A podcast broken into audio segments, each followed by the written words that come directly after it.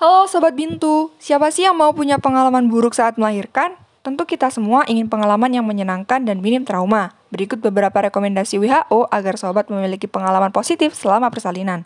1. Melakukan mobilisasi atau bergerak. 2. Menerapkan posisi tegak selama persalinan. Pada wanita resiko rendah, hal ini dapat mengurangi angka kejadian lahir sesar, episiotomi, dan intervensi lahir dengan bantuan alat dibandingkan pada ibu yang hanya berbaring, yang sayangnya selama ini masih banyak dipraktikkan. 3. Saat kala lahirnya bayi, ibu mengejar mengikuti dorongannya sendiri yang timbul secara alami tanpa adanya paksaan dari penolong.